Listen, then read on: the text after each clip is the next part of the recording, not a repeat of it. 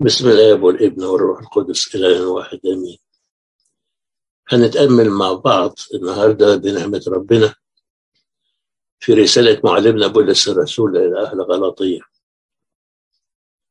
رسالة القديس بولس لأهل غلاطية بتختلف عن باقي الرسائل الأخرى سواء الرسائل اللي كتبها بولس الرسول أو اللي كتبها الرسل الآخرين. يعقوب وبطرس ويوحنا ويهوذا. كل الرسائل الأخرى كانت بتشرح الإنجيل. لكن الرسالة إلى الغلاطيين كانت بتدافع عن الإنجيل أو بتدافع عن حق الإنجيل. يعني كانت رسالة دفاعية. في الأول ناخد فكرة عن أهل غلاطية. البعض بيقول غلاطية والبعض بيقول غلاطية. ما تفرقش. زي مثلا البعض بيقول سوريا والبعض بيقول سوريا ما تفرقش. المهم غلاطية بتقع في الجزء الشمالي من آسيا الصغرى اللي هي تركيا دلوقتي. أهل غلاطية دول أصلا ناس هاجروا قديما من غرب أوروبا اللي هي فرنسا حاليا. واستوطنوا في آسيا الصغرى. فرنسا زمان كان اسمها بلاد الغال.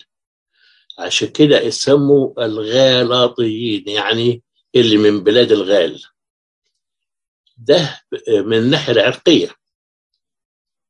أما من الناحية الجغرافية كانت غلاطية في الأصل مدينة في وسط آسيا الصغرى.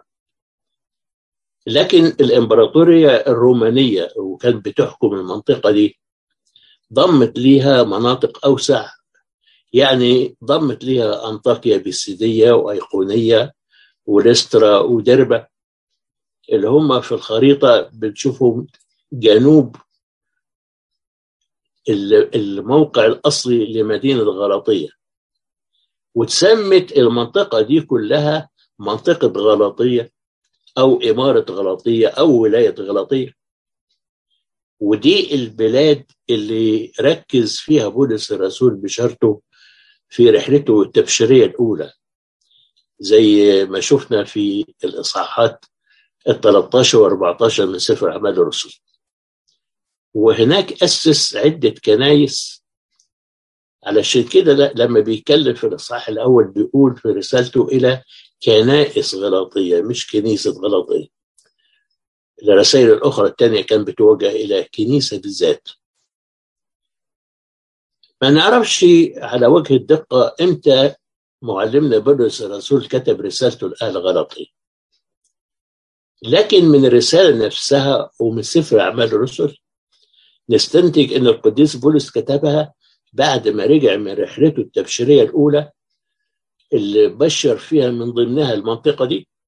واللي كانت من سنة 47 لسنة 49 ميلادية. ورجع لأورشليم بعد رحلته التبشيرية الأولى وحضر مجمع أورشليم الأول وده كان سنة 49 والكلام ده نستنتجه من الإصحاح الثاني من الرسالة دي. وهناك سمع أخبار محزنة إنه الغلاطيين اللي لسه مبشرهم ارتدوا عن الإيمان الصحيح المسلم ليهم بسبب رواية المتهودين المضللين.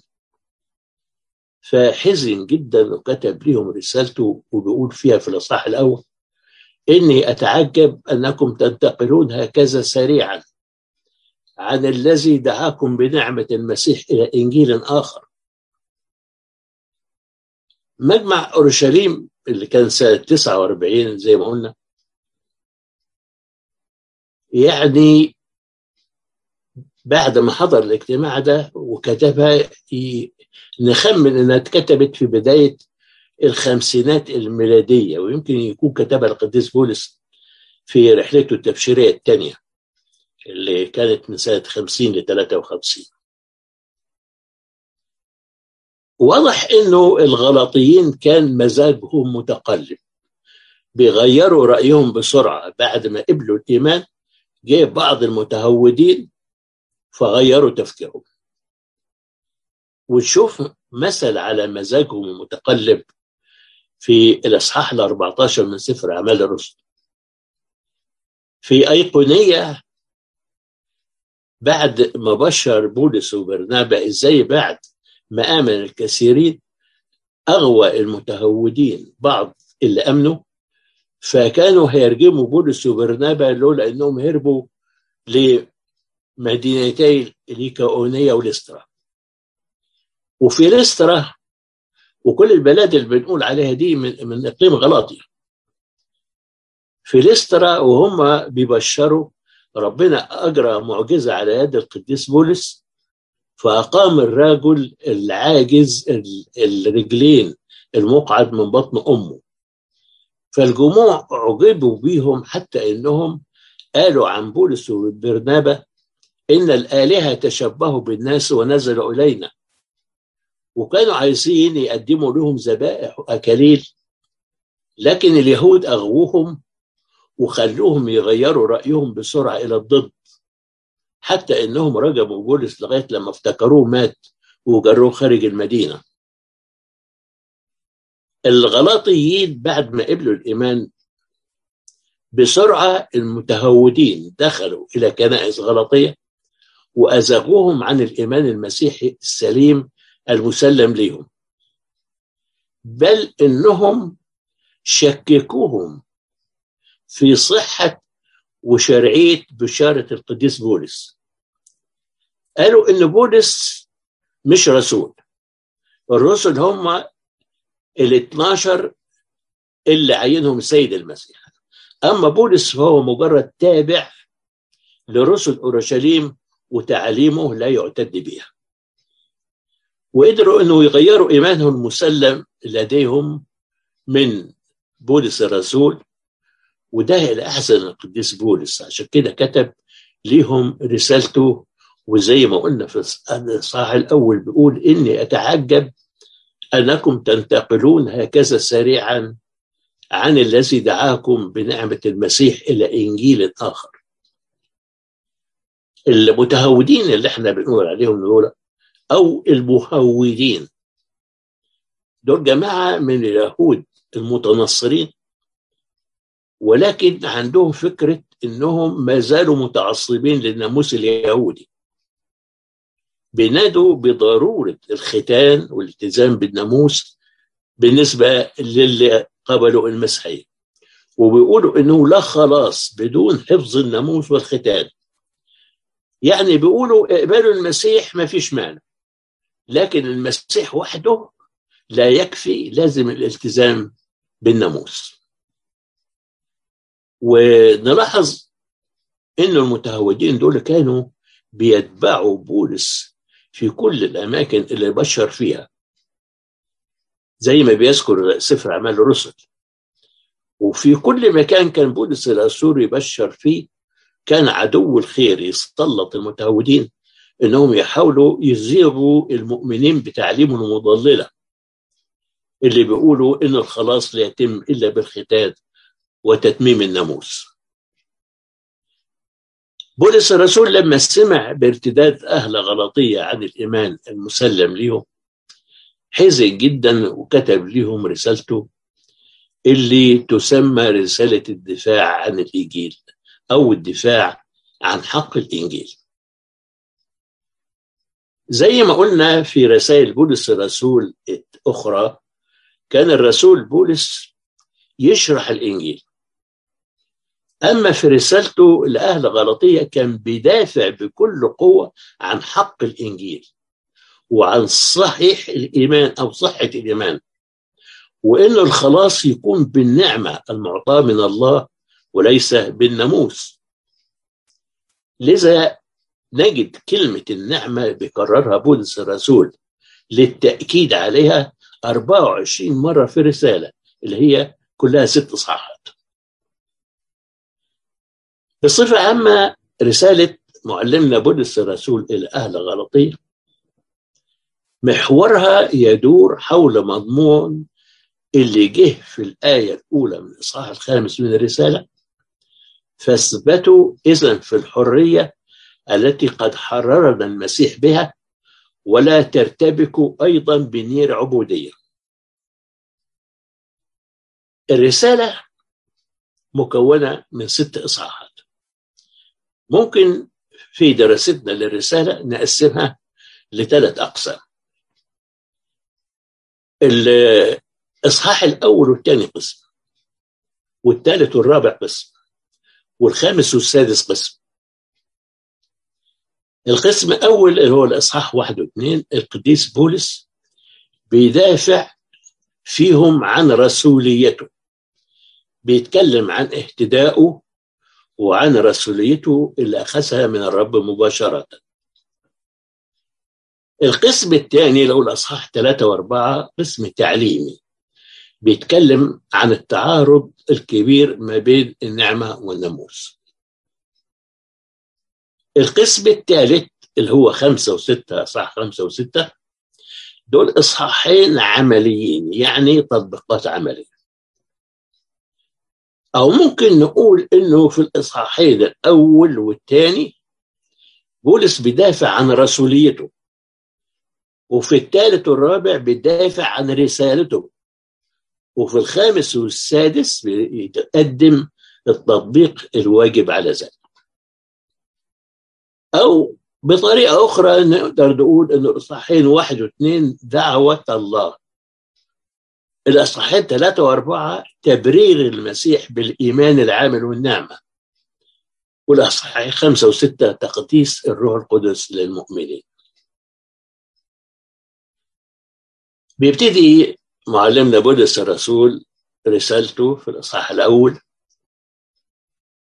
بيقول لأهل غلطية بولس رسول لا من الناس ولا بإنسان بل بيسوع المسيح والله. الآب الذي أقامه من الأموات. وجميع الإخوة الذين معي إلى كنائس غلاطية. نعمة لكم وسلام من الله الآب ومن ربنا يسوع المسيح الذي بذل نفسه لأجل خطايانا لينقذنا من العالم الحاضر الشرير حسب إرادة الله وأبينا الذي له المجد إلى الأبد. أمين. إني أتعجب أنكم تنتقلون هكذا سريعا. عن الذي دعاكم بنعمة المسيح إلى إنجيل آخر. ليس هو إنجيل آخر غير أنه يوجد قوم يزعجونكم ويريدون أن يحولوا إنجيل المسيح. ولكن إن بشرناكم نحن أو ملاك من السماء بغير ما بشرناكم فليكن أناثيما. وكما سبقنا وقلنا أقول الآن أيضا إن كان أحد يبشركم بغير ما قبلتم فليكن أناثيما. في رسالة القديس بولس لأهل غلطية على عكس الرسائل الأخرى ما بتتبعش منهج لطف بولس الرسول. في الرسائل الأخرى نجد أن البداية بتبقى يظهر فيها لطف بولس الرسول من ناحية اللي بيكتب لهم. لكن في الرسالة الأهل غلطية الغضب واضح على الغلاطين واضح حتى على افتتاحية الرسالة. فما فيش تحيات حارة. ولا شوق للرؤية ولا بركات ولا نعم ولا كلمة مديح.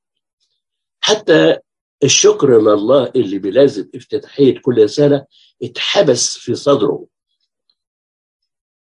وعلى مدى الرسالة ما قدرش بولس الرسول يمسك نفسه من إنه يوبخه. في الإصحاح الثلاثة بيقول لهم أيها الغلاطيون الأغبياء من رقاكم حتى لا تزعنوا للحق وفي نفس الإصحاح بيقول لهم هكذا أنتم أغبياء؟ بعدما ابتدأتم بالروح تكملون الآن بالجسد؟ وبيقول لأن جميع الذين هم من أعمال الناموس هم تحت لعنة.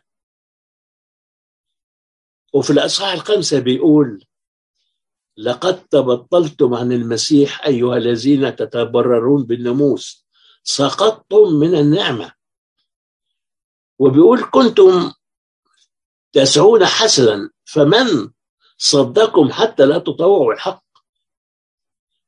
كانت كلمات بولس للغلاطيين قاسية. هو مش بيشتمهم. لكن كانت كلماته صادرة من قلب يقطر بالمرارة وحزن عليهم. يعني هو مش كان حزين أو زعلان منهم كان زعلان عليهم. أو بالتعبير الدارج بيحاول يفوقهم لنفسهم. نحس من أول جملة إن بولس الرسول دخل معركة دفاعية عن الإنجيل المسلم وعن رسوليته.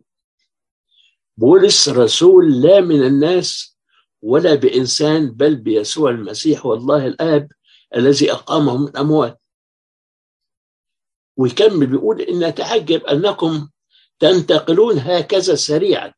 من الذي دعاكم بنعمة المسيح إلى إنجيل آخر. وبيكلم وبيقول الجملة الصعبة جدا. بيقول ولكن إن بشرناكم نحن أو بلاك من السماء بغير ما بشرناكم فليكن أناثيما. ويأكدها مرة أخرى ويقول كما سبقنا فقلنا أقول الآن أيضا إن كان أحد يبشركم بغير ما قبلتم فليكن أناثيما. كلمة أناثيما دي كلمة أرامية معناتها ملعون ومحروم من البركة. ما ده مش عادنا. الشدة دي مش عادنا في رسالة القديس بولس ولكن كانت رسالة دفاعية أو رسالة حربية إنجاز التعبير. حتى أنه في الإصحاح الثالث بيقول أيها الغلاطيون الأغبياء من رقاكم حتى لا تزعنوا الحق؟ أهكذا أنتم أغبياء؟ أبعد ما ابتدأتم بالروح تكملون الآن بالجسد؟ يكمل قديس بولس ويدافع عن رسوليته وصحة تعليمه. ويقول وأعرفكم أيها الإخوة الإنجيل الذي بشرت به أنه ليس بحسب إنسان لأني لم أقبله من عند إنسان ولا علمته بل بإعلان يسوع المسيح. وبيتكلم عن سيرته قبل اهتدائه ودعوة الرب الشخصية ليه حتى إنه يكون إناء مختار يحمل اسمه.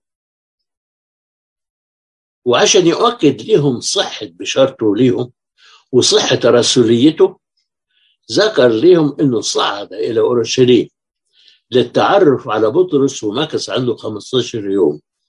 طبعا ما كانش زيارته لبطرس للتعارف ولا الزيارة قطعا كان التباحث في أمور الدعوة والتباحث في الإلهيات واللاهوتيات والإيمان الصحيح. في الإصحاح الثاني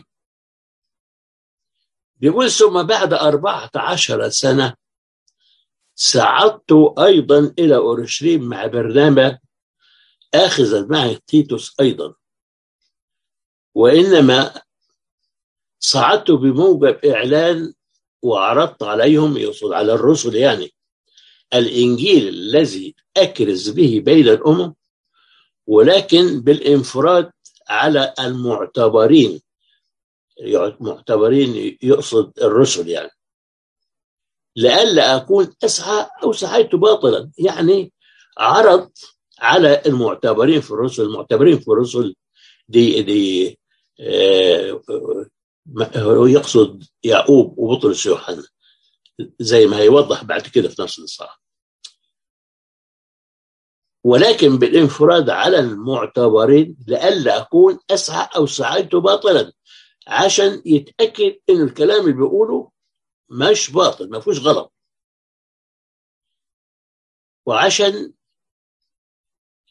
يبين إنه بيحمل شهادة جديرة بالثقة ضد اللي بيتهموه بأن الرسل آه وانهم مش من الرسل وإن الرسل هم ال 12 وإن هو مجرد تابع ليهم ولا يؤخذ بشارته أو برسوليته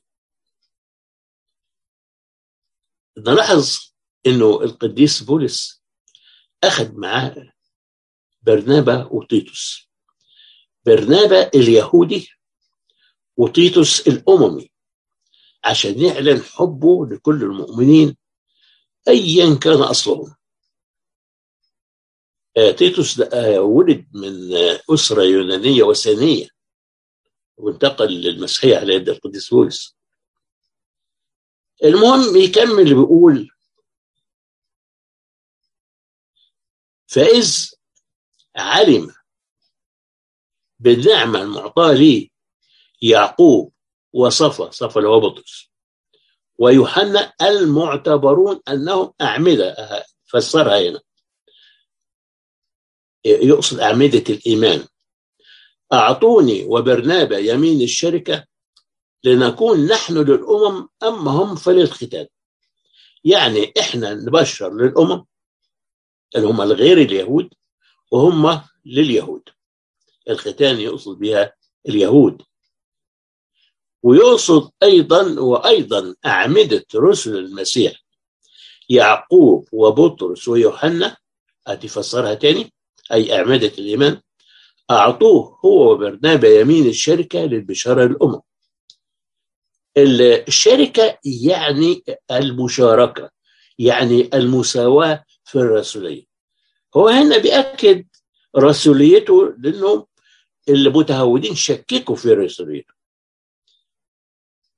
بعد ما ذكر القديس بولس إنه الرسل يعقوب وبطرس ويوحنا أعطوه هو وبرنابا يمين الشركة لنكون نحن للأمم اما هم فللختان بيقول غيره أن تذكر الفقراء وهذا عينه كنت اعتدت أن أفعله. آه يعني هو بيتكلم على إنه زيارته اللي كانت لأورشليم وقابل فيها يعقوب وبطرس ويوحنا ليه تبادل الآراء في الخدمة واتفقوا على إنه هم يخدموا اليهود وهو برنامج برنابا يخدموا الأمم أي غير اليهود. بيذكر جملة كده في السكة بيقول بيقول غير أن تذكر الفقراء وهذا عينه كنت اعتنيت أن أفعله. يعني حتى لو هو اختص بالأمم لكن برضه قلبه مع اليهود وراح عشان يخدم الفقراء. يمكن دي الزيارة اللي وردت في سفر أعمال الرسل في الإصحاح 11 لما قام الرسول بيها عشان يسد احتياجات الاخوه في أورشليم أثناء المجاعة. فمن جهة الكرازة قسم العالم بينهم. فصار هو كارزا للأمم وهم لليهود. لكن بخصوص الاتهام بالفقراء للكل. فاشترك أيضا في خدمة اليهود. دفاع القديس بولس بالشدة زي ما شفنا عن رسوليته. ما كانش تكبر من بولس وانه عايز يثبت إنه رسول زي باقي الرسل. لكن لأن المعلمين الكذبه طعنوا في رسولية بولس وبالتالي في تعليمه. فهو بيدافع عن رسوليته بقصد الدفاع عن رسالته. في كل رسائل بولس كان بيكتب ويقول في اتضاع المدعو رسولا بيسمي نفسه المدعو رسولا يعني نوع من الاتضاع يعني هو مش مش رسول لكن المدعو رسولا. لكن في رسالته لأهل غلاطية ده موضوع تاني كان لازم يؤكد بشدة على رسوليته بسبب تشكيك اليهود في رسوليته وبالتالي في تعليمه وبالتالي أزغوا كثيرين. وخصوصا إنه في الوقت ده الوقت الكنيسة الأولى اللي كان فيه بولس آه ظهر أنبياء كذبة كثيرين. فكانوا بيستغلوا النقطة دي ويقولوا إن ده واحد منهم. الكلام ده ورد في الرسالة الثانية لاهل كورنثوس. وزي ما جه في الإصحاح الثاني من سفر الرؤيا في الكتاب إلى ملاك كنيسة أفسس بيقول وقد جربت القائلين أنهم رسل وليسوا رسلا فوجدتهم كاذبين. في الوقت ده كان فيه ناس كتير بتدعوا الرسولية فهم انتهزوا الفرصة دي علشان يطعنوا في بولس. بعد كده بيتكلم القديس بولس عن مواجهته للقديس بطرس. وكان ده اللقاء الثالث بينهم كان قبل كتابته الرسالة مباشرة. بيقول ولكن لما أتى بطرس إلى أنطاكيا قاومته مواجهة لأنه كان ملوما. لأنه قبلما أتى قوم من عند يعقوب يعني من أورشليم كان يأكل مع الأمم يقصد على بطرس. ولكن لما أتوا الناس الجايين من أورشليم اللي هم اليهود المتهودين دول كان يؤخر ويفرز نفسه خائفا من الذين هم من الختان ورأى معه باقي اليهود أيضا حتى أن برنابا أيضا انقاد إلى ريعهم. لكن لما رأيت أنهم لا يسلكون باستقامة حسب حق الإنجيل قلت لبطرس قدام الجميع وإن كنت وأنت يهودي تعيش أمميا لا يهوديا فلماذا تلزم الأمم أن يتهودوا؟ نحن بالطبيعة يهود ولسنا من الأمم الخطاة يقصد الأمم الخطاة أنه كان يسمى غير اليهود أي الوثنيين خطاة يعني بيعبدوا حد غير ربنا. إذ نعلم أن الإنسان لا يتبرر بأعمال الناموس بل بإيمان يسوع المسيح. آمنا نحن أيضا بيسوع المسيح لنتبرر بإيمان يسوع لا بأعمال الناموس لأنه بأعمال الناموس لا يتبرر جسد ما. فإن كنا ونحن طالبون أن نتبرر في المسيح نوجد نحن أيضا خطاة أفي المسيح خادم للخطية؟ حاشا. فإن إن كنت أبني أيضا هذا الذي قد هدمته فإني أظهر نفسي متعديا القديس بطرس جه أنطاكيا. أنطاكيا دي غير أنطاكيا أنطاكيا بسيدية اللي هي في إقليم غلاطيا. أنطاكيا دي كانت زمان العاصمة لسوريا. وكانت مركز للخدمة لأنه بعد ما استشهد القديس إسطفانوس هاجر كثير من اليهود من أورشليم وراحوا أنطاكيا.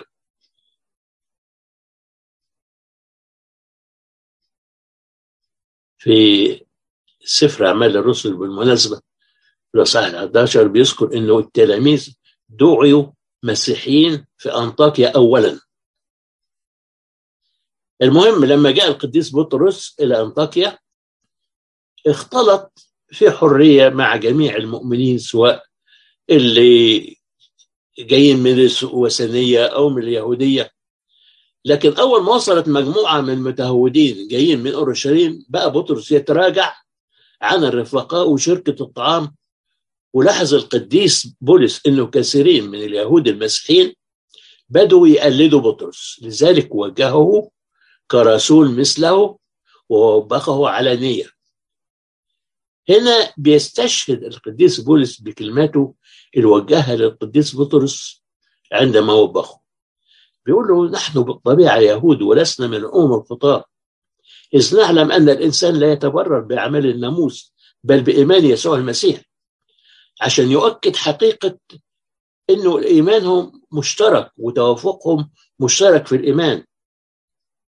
اللي هو بولس وبطرس أنه التبرير بالنعمة مش بطقوس ناموس موسى. وأيضا ليظهر إن سلوك القديس بطرس ما كانش عن تغيير فكري جوهري بخصوص طبيعة الإنجيل ومضمونه انما سلك بالشكل ده عن ضعف أو عن رياء لإرضاء الجميع أو خوف من المتهودين.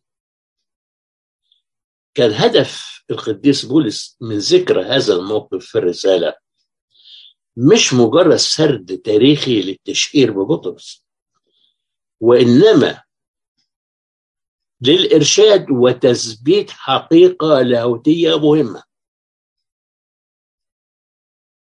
على فكرة في القديس يوحنا ذهبي الفم له رأي آخر في هذا الموضوع.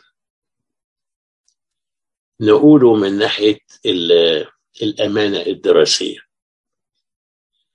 بيقول القديس يوحنا زابيل الفم كثيرون عند قراءتهم السطحية لهذا الجزء من الرسالة يظنون أن بولس قد اتهم بطرس بالرياء. لكن الأمر غير هذا.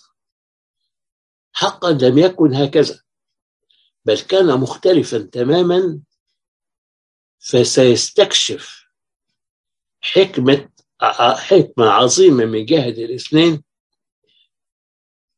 لبولس وبطرس مختفية هنا لأجل منفعة السامعين الكلام ده كلام ديس يوحنا زابل وبقول بولس ما كان متشككا في إيمان بطرس إذ هو عارف ما هي دوافعه في هذا التصرف.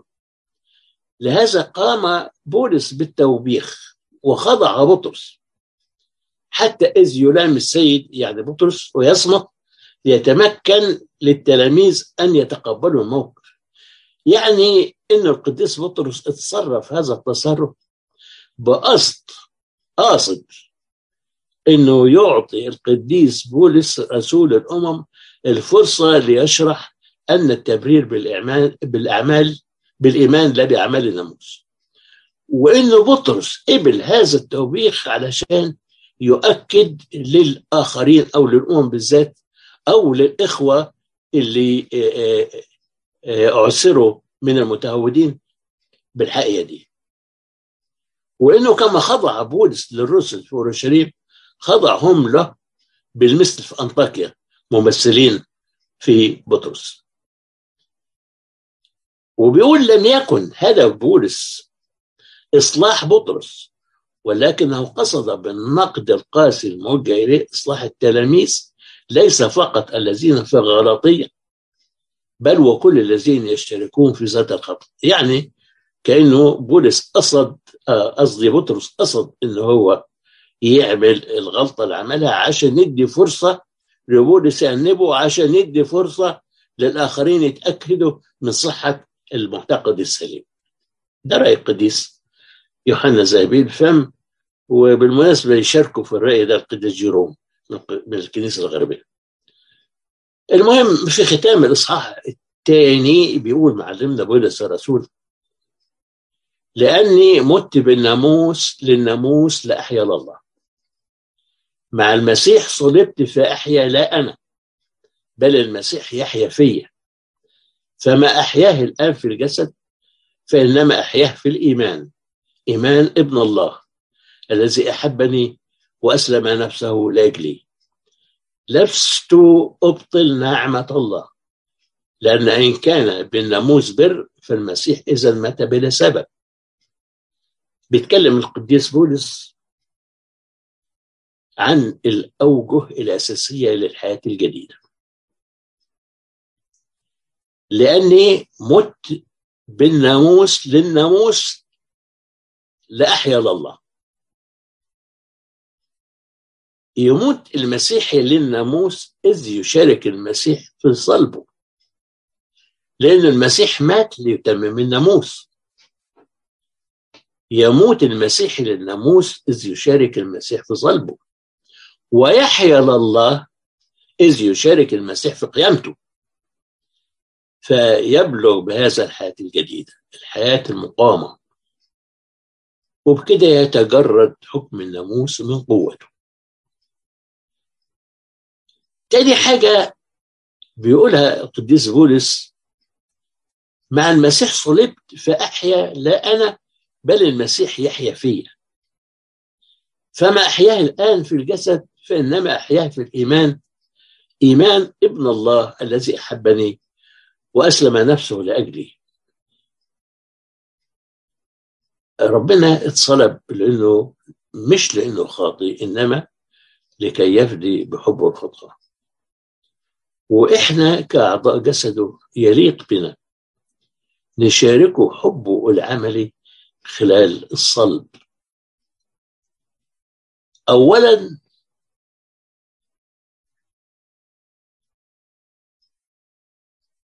الصلب صلبنا إحنا معاه. مع المسيح صلبت فأحيا. ثانيا صلب الجسد. ولكن الذين هم للمسيح قد صلبوا الجسد مع الأهواء والشهوات. ثالثا صلب العالم لنا وصلبنا نحن للعالم. أما من جهتي فحاشا لي أن أفتخر إلا بصليب ربنا يسوع المسيح الذي بي قد صلب العالم لي وأنا للعالم. ومع المسيح صلبت في أحيان. بتشير أيضا للمعمودية. بالتخصيص في المعمودية يعني موت المعتمد عن إنسان الخطية. وبخروجه من المعمودية تعني قيامته في المسيح. وكلمة مع المسيح صلبت في الصيغة اليونانية هي فعل تام. بتشير إلى أن الحالة اللي اكتسبها الإنسان يوم تبريره بالمعمودية الحالة دي هي قداسة. ولا تزال قائمة فعل تام. لا تزال قائمة حتى وإن وقع الإنسان في بعض الضعفات والهنات. لكن طبيعة القداسة اللي أخذها بالمعمودية موجودة فيه.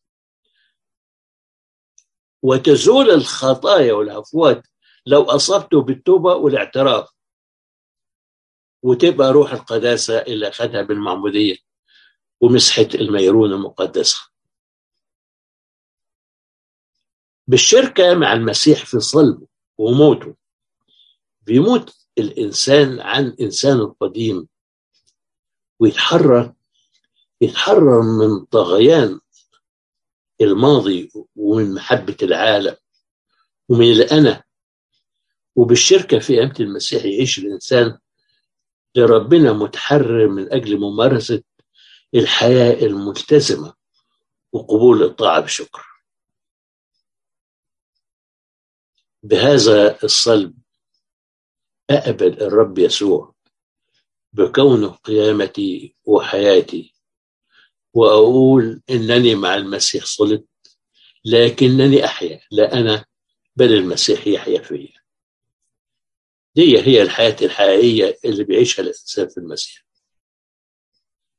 فبالرغم من أن المؤمنين أموات عن العالم لكنهم بيعيشوا كأنهم في السماء مهتمين بالأمور العلوية. بيقول القديس أثناسيوس الرسولي إن كنا نسير على الأرض لكننا نقطن في السماء. نكتفي النهاردة بهذا القدر ونشكر الله على ما أعطانا ونكمل بقية تأملاتنا في الرسالة الأسبوع الجاي إن شاء الرب وعشنا. لإلهنا الصالح كل كرامة ومجد إلى الأبد. آمين.